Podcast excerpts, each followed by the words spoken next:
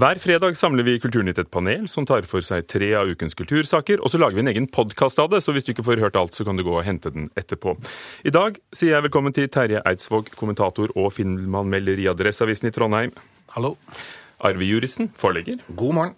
Og Ragna Nordenborg, programleder i NRK P13. God morgen. Første spørsmål. Kulturhus over hele landet risikerer å måtte betale tilbake moms for de siste syv årene. Sist uke mottok konserthusene i Stavanger og Kristiansand et krav på over en halv milliard kroner til sammen. Det har nemlig vært forvirring rundt uh, hvorvidt kulturhus skulle få tilbake eller ikke penger de har lagt ut for moms. Har kulturhusene gjort opp regning uten vert, Terje Eidsvåg? Uh, tja. Arve? Jeg, jeg falt litt av. Jeg blir så fascinert av det uttrykket. Det er tydeligvis kjempepopulært for tida nå. Jeg ser politikere bruker det overalt. Eh, kulturhus brukte opp penger uten vert.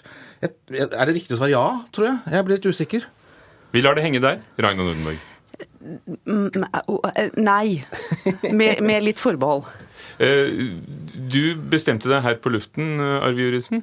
Nei, altså, Jeg ble mest opptatt av dette uttrykket, men vi skal ikke bruke tid på det. Altså... Det er morsomt at du sier det. Vi hadde en diskusjon om det før her også. skjønner du. Ja, Kunne du ha brukt bjørnen og skinnet og skuddet og det der? Ja, ikke sant? At... Har, de, har de solgt skinnet før bjørnen ble skutt? Uh, nå ble det enda vanskeligere. Nå ble det bjørn. Uh, mange, nei, altså poenget Mange fine bilder nå. Ja, ikke sant? Poenget er, de, Det var usikkerhet om hvorvidt de måtte betale tilbake momsen. Ja. Uh, og så regnet de med at de måtte ikke. Skurken her må da være skatteetaten, som har brukt sju-åtte år og rota med dette. Eh, altså stakkars kulturhus eller hvem som helst andre. Vi må jo forholde oss til reglene myndighetene og skatteetaten setter. Og når de ikke setter det, så syns jeg det er ganske ufint å komme med eh, regning på 250 millioner sånn syv år etter. så der er skurken min. Det er eh, litt den saksbehandlingstiden jeg også tenker er en ordentlig skurk eh, for min del. Altså, det er sannsynligvis 43 eh, kulturhus som kommer til å bli berørt av dette over det ganske land. Så kan man selvfølgelig si at de sa aldri dette slipper dere å betale moms på, men dette ser veldig greit ut i forhold til regelverket, er det ordfører og rådmenn nå sier at skatteetaten sa den gang. Og så har de da fått dette brevet, som jo aldri er veldig hyggelig å få. Eh, dere må, eh, dere må nok betale den momsen. Og en så lang saksbehandlingstid er veldig, veldig, veldig lenge. Men så kan man jo si at selv om saksbehandlingstiden har vært lang, så hjelper det egentlig ingenting. fordi EØS- og EU-spesialistene sier at man har ikke noe valg her. Altså Tolkningen har vært veldig vag, men det å gå imot Uh, gå imot regelverket er, uh, er, nesten umulig. Så når de sier at de ikke har tenkt å betale tilbake, så, så, så må de nok kanskje det. Terje?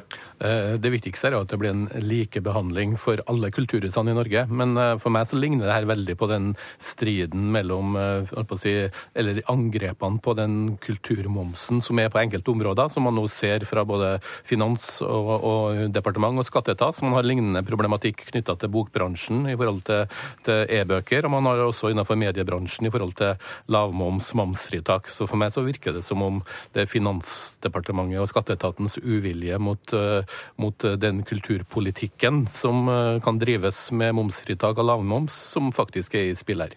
Jeg syns det, det, er en annen ting, fordi at altså, dette er jo da ting som er på forhånd. Vi diskuterer på forhånd. Her kommer det en regning sju år etter. Det går ikke an. Det må ryddes opp i. Jeg tror også det er eh, masse politikk eh, i alle skattesaker når det gjelder eh, kultur, men det finnes også et ganske tydelig lovverk i Norge som handler om at man har lov og anledning til å tilrettelegge for et rikt norsk kulturliv. Og Det er jo det de har tatt utgangspunkt i, de, de politikerne som i sin tid syntes at dette var en god idé. Men samtidig sier jo f.eks. argumentet her er altså at, at dette er et kommersielt marked, for det er mange private som lager kultur også.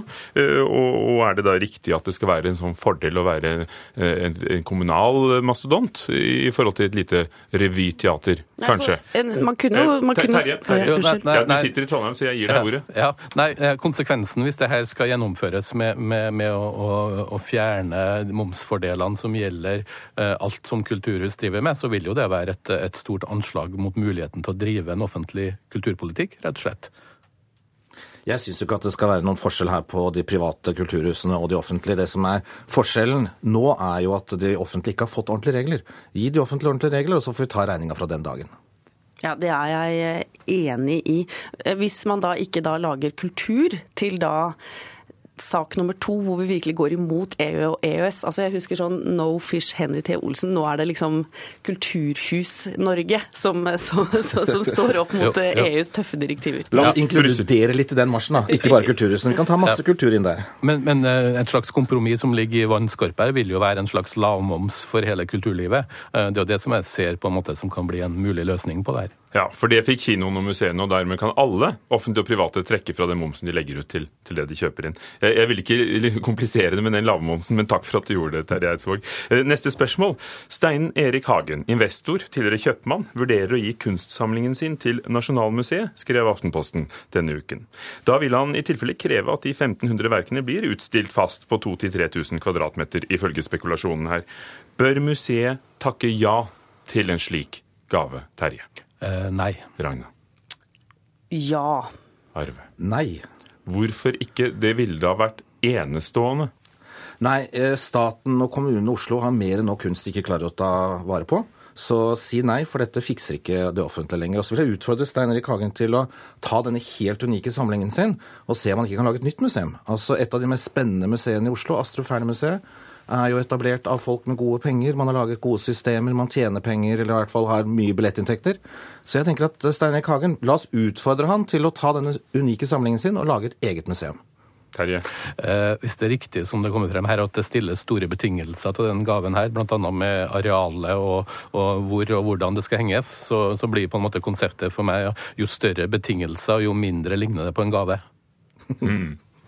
Det er eh, en eh, veldig, veldig dårlig historikk på å gi ting til Oslo kommune. Det er jeg helt enig med Arve om. Eh, Munch trodde han skulle få litt bedre behandling av sine verker. Stenersen trodde det. Men likevel, man man tar det imot, og så går man i dialog, som det heter. Jeg tror at, jeg tror at å ikke ta med denne samlingen, som jo har vist seg å være et av de store hullene eh, i, eh, i, den totale kunstsamlingen Norge har når det gjelder eh, tiden etter Munch. Det er veldig dumt. Og så tror jeg at man kan heller sørge for at han ikke får lov å diktere nøyaktig hvordan dette blir. Og det tror jeg politikere er veldig flinke til å gjøre. Altså Politikerne er veldig flinke til å si ja, og så blir det noen andre vedtak etter hvert. Sånn at han ikke kan diktere. Fordi kunsten må være fri. Og du kan ikke diktere hvordan eh, norske skattebetalere, Oslo skattebetalere skal eh, bruke penga sine, faktisk. Så der er Hagen eh, litt ute å kjøre hvis han krever sitt eget mausoleum over seg selv og sin kunstsamling i offentlig regi. Nei, Nå blir det jo snart en stor og fin ledig bygning hvor det har hengt bilder før. Kan ikke Hagen få den inn i en stiftelse, så kan han legge bildet inn i en stiftelse, og så har han helt sikkert noen penger til å drifte dette. Og så poff, så har vi et nytt, flott uh, museum og, som kan stå på egne ben. Og... Du tenker på Nasjonalgalleriet, du? Ikke sant? Ja, det må jo fylles med noe, det også. Terje, hvem ville, hvem ville tjent på en slik gave? Uh, giveren eller mottakeren? Uh, Eh, ideelt sett så bør det jo være mottakeren. og det, Hvis den fremstår som en, eh, som en gave uten, eh, på, på, de riktige premissene, så kan det her sikkert fungere bra, men jeg blir veldig skeptisk når, når den type prosjekter lanseres, og hvor det ser ut som om gaven egentlig er ment vel så mye med tanke på giveren som på mottakeren. I, i, I, Trondheim har jo to kunstnere, Håkon Bleken og Ingrid Sitter, gitt en gave. Hvordan har det gått med den saken? Ja, jo, det har jo vært bråk eh, siden eh, knytta til, til, noen av de spørsmålene, selv om det er i langt mindre målestokk. Men det er også et eksempel på hvor vanskelig det er å, å, å håndtere og presentere, og kanskje også å gi gaver som det her. Vi må ikke bli smålige nå, da, for nå har vi en fantastisk mulighet her. Vi må se det positive og finne på noe kreativt. Kanika må gjerne komme inn under offentlig eie, og så får man heller eh, kanskje love litt for mye, og så kan man eh, bruke kunstarven som man vil. Det var et raust krav, hele Kanika. Selskapet til Hagen, altså. TV-programmet Nytt på Nytt på NRK har skiftet eh, komiker på kvinnesiden flere ganger de siste årene. Knut Nærum har vært fast inventar siden begynnelsen for 16 år og 442 episoder siden. Vi snakker om fredagsunderholdningsprogrammet hvor de tar for seg nyheter. Som vi hørte, Knut Nærum slutter, og Johan Golden overtar. Var det på tide med et skifte, Arve? Nei. Ragna? Nei. Terje? Nei. Og du er jo kritiker og filmanmelder. Hvorfor, hvorfor kommer du med et så bastant nei? Eh, fordi at jeg tror en av de viktige grunnpilarene i det programmet er nettopp eh, Knut Nærum. Eh, for all del, jeg har mye, mye stor sjanse for, for, Golden, og begge er jo ironikere. Men jeg tror det nå peker mot slitasje i hele, hele gullrekka til, til NRK. Nærum fikk jo mange år på å lære Norge å skjønne hans spesielle humor. Jeg tror ikke publikum på TV i dag har sånn tålmodighet i forhold til nye ansikt. Eh, og, med hele gullrekka med, med, med, Bit for bit som har snudd kortstokken så mange ganger at den er utrolig slitt, og Skavlan som nå må begynne å være kritisk mot alle sine gjester, så tror jeg at det her eh, fort kan bli eh, sprekka i gullrekka. Jeg tror at Johan Golden kommer til å gjøre en utmerket jobb. Han er jo en annen type humorist, i hvert fall i mine ører og øyne, enn det eh, Nærum var. Fordi den litt sånn intellektuelle nerden eh, med T-skjorte alltid med et eller annet eh, viktig politisk korrekt trykk på, og dressjakke, det får vi ikke med Golden.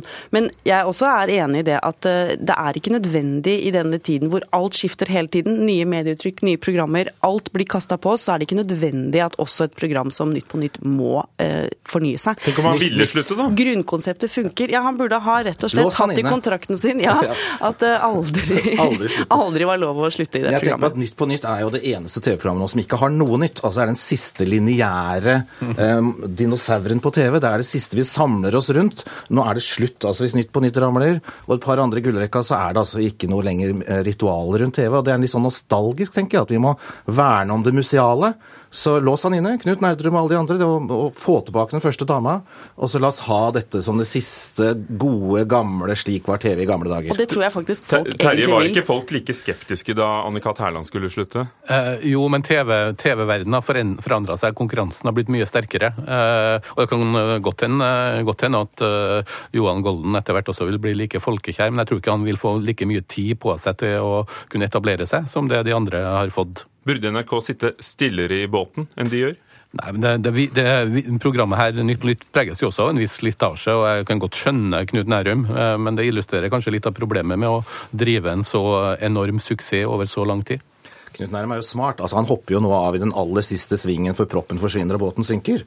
Så han gjør jo det kloke valget her. Det vi er bekymra oss for nå, er jo Almås, stakkar. Hvis han skal gå ned med båten, hvordan går det da med hans karriere? Spiker på Birken hvert år, det. Spiker på Birken hvert år. Det er ikke så dumt, det heller. Men eh, nei, Nerdrum er smart, og Golden kommer til å fikse dette kjempebra. Men det er synd med museer som stenger. Umo Ugo Formarello som ny programleder i Nytt på Nytt. Der har vi den. Takk til, takk til dere i Fredagspanelet, Ragna Nordenborg, Arve Juritzen og Terje Eidsvåg. Kulturnytt var ved Ugo Fermariello. Produsent var eh, Lars Ivar Nordahl, og Lars Tronsmoen var teknisk ansvarlig. Og dette er Nyhetsmorgen i NRK.